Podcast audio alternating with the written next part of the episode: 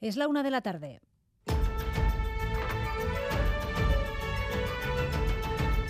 Crónica de Euskadi con María Cereceda.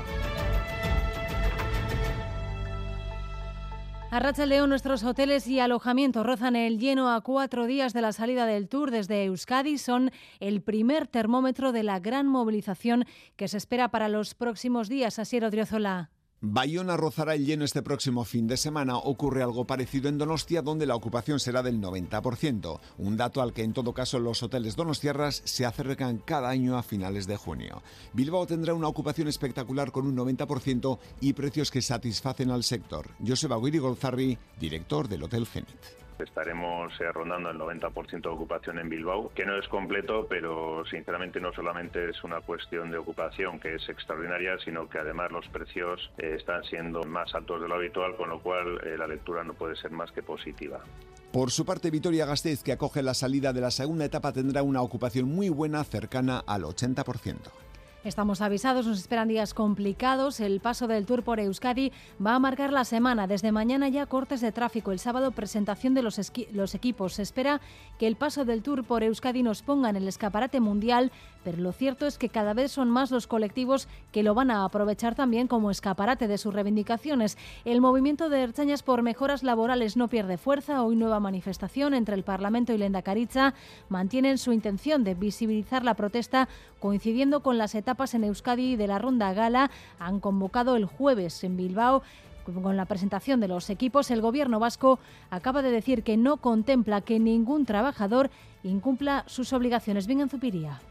No concebimos, como tampoco se nos permitiría a nosotros, no concebimos que un trabajador, un profesional del servicio público, no cumpla con las funciones que tiene encomendadas cuando está trabajando.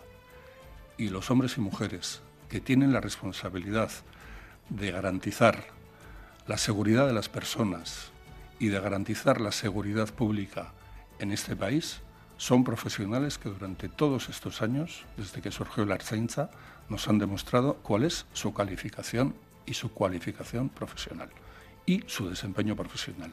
No esperamos otra cosa. Pues éramos pocos y los bomberos de Bilbao también han convocado huelga este sábado 1 de julio, día de la Grande Part, con salida y llegada en la capital vizcaína. Los trabajadores de la hostelería también están llamados a parar esos días. De momento no están notando la llegada de visitantes, pero esperan que comience a notarse mañana.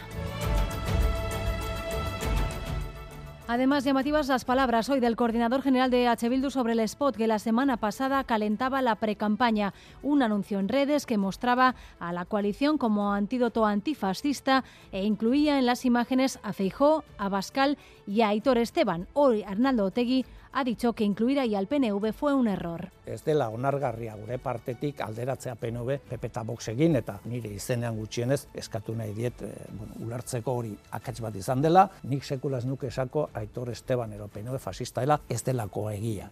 El PNV dice que las palabras están muy bien, pero que el spot todavía sigue en redes. En Álava, PNV y PSE han presentado ya el acuerdo por el que volverán a gobernar juntos en la Diputación, un gobierno en minoría, con Ramiro González de nuevo como diputado general. No han concretado el reparto de carteras, solo sus líneas de acción y su voluntad de llegar a acuerdos con todos menos con Vox, Rodrigo Manero. Sí, PNV y Partido Socialista seguirán otros cuatro años gobernando la Diputación alavesa, dando continuidad a lo que han hecho en los últimos ocho años. Aunque esta vez no tienen mayoría absoluta, dicen que lo tendrán en cuenta y que buscarán acuerdos en el día a día con todos los grupos de la oposición, salvo Vox. La investidura de Ramiro González como diputado general será el jueves y luego se sabrá el reparto de carteras y el plan de acción concreto del nuevo Ejecutivo.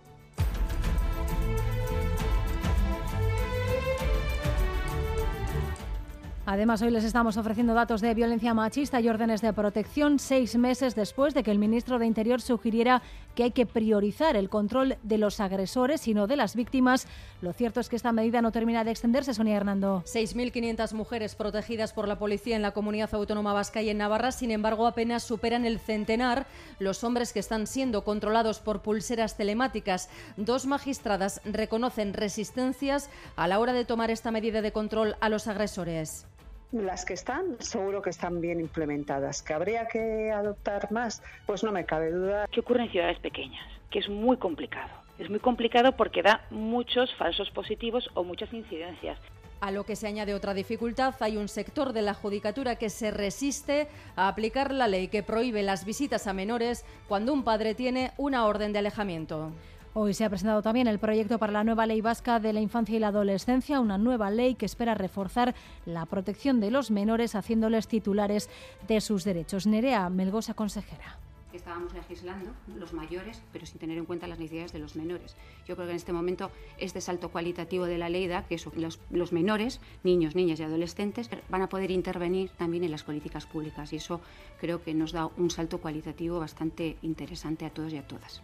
Un camionero ha fallecido esta madrugada en un aparatoso accidente en la A8. Venía en dirección Bilbao y por razones que aún se investigan, su tráiler ha caído por el viaducto de Ontón Irache Ruiz. A las cinco y media de la mañana el tráiler se salía de la carretera justamente cuando atravesaba el viaducto de Ontón a pocos kilómetros de Castro Urdiales. Caía al vacío 20 metros y consecuencia del impacto se incendiaba. Transportaba ruedas, café y químicos clorados. A los servicios de emergencias les ha costado rescatar al conductor, un brasileño afincado en Barcelona, que fallecía en el acto. Ya ocurrió un accidente idéntico hace seis años. Además, se investiga el incendio declarado esta pasada noche en Sopela, en un segundo piso. En el vivía el propietario y otras personas que le alquilaban habitaciones. El incendio ha arrancado a las 11 de la noche. Una vez parecía apagado, las llamas se han reavivado a eso de las 3 de la mañana. Ha habido que terminar desalojando el edificio. No ha habido daños personales, pero este ha quedado prácticamente cancelado. El Museo de Bellas Artes de Bilbao inaugura hoy la obra Aucha Cartuta. Se trata de una propuesta del artista sonoro Xavier Erquicia y la bercholari y escritora Mayalen Lujambio. Para la creación de la pieza toman el museo como protagonista y el tiempo como tema, el tiempo de las obras de arte, de arte, el de las personas que en él trabajan, el del público que lo visita o el de su propia arquitectura. Un tiempo que suena, que se puede escuchar y que han recogido en un libro y en una instalación sonora. César Ochoa del Museo de Bellas Artes. De ahí la metáfora del polvo y del juego de palabras que nos propone Aucha Cartúa. Aucha, polvo, Ucha, vacío, Aucha, voz. Y todo ello para componer un retrato sonoro de este edificio histórico, donde sus autores han tratado de atravesar el tiempo para reconocer el poder transformador de sus espacios y la profunda intimidad que albergan. Titulares también del deporte, César Pérez de Azul, Zarrachaldeón. Alcedo María, primer fichaje de Basconia de cara a la próxima temporada. El base italiano Nico Manion llega al equipo de Peña Roya para las próximas dos temporadas. Este curso ha jugado la Euroliga con la Virtus de Bolonia. Y esta mañana hemos conocido detalles de la Feria de San Fermín, la primera feria pelotasal del verano y que va a arrancar dentro de 10 días en el Abriz con la final del 4 y medio el próximo 7 de julio. Nueve festivales con un torneo de parejas que comenzará ese día, pero por la noche repiten Altuna y Rezusta como parejas subcampeonas el año pasado, mientras que Mariz Currena, que ganó con Artol este año, hará combinación con Iker Larrazábal. En cuanto al tiempo, se espera una ligera mejoría para esta tarde. La nubosidad irá levantando y aunque no va a despejar del todo, la tarde será soleada en gran parte del país. El viento del norte mantiene las temperaturas por debajo de los 25 grados. A esta hora tenemos 23 en Bilbao y en Bayona, 21 en Donostia y en Pamplona y 19 grados en Gasteiz. Gracias por elegir un día más Radio Euskadi y Radio Vitoria para informarse. Raúl González y Arancha Prado están en la dirección técnica y Manuel Manterola en la coordinación. Crónica de Euskadi con María Cereceda.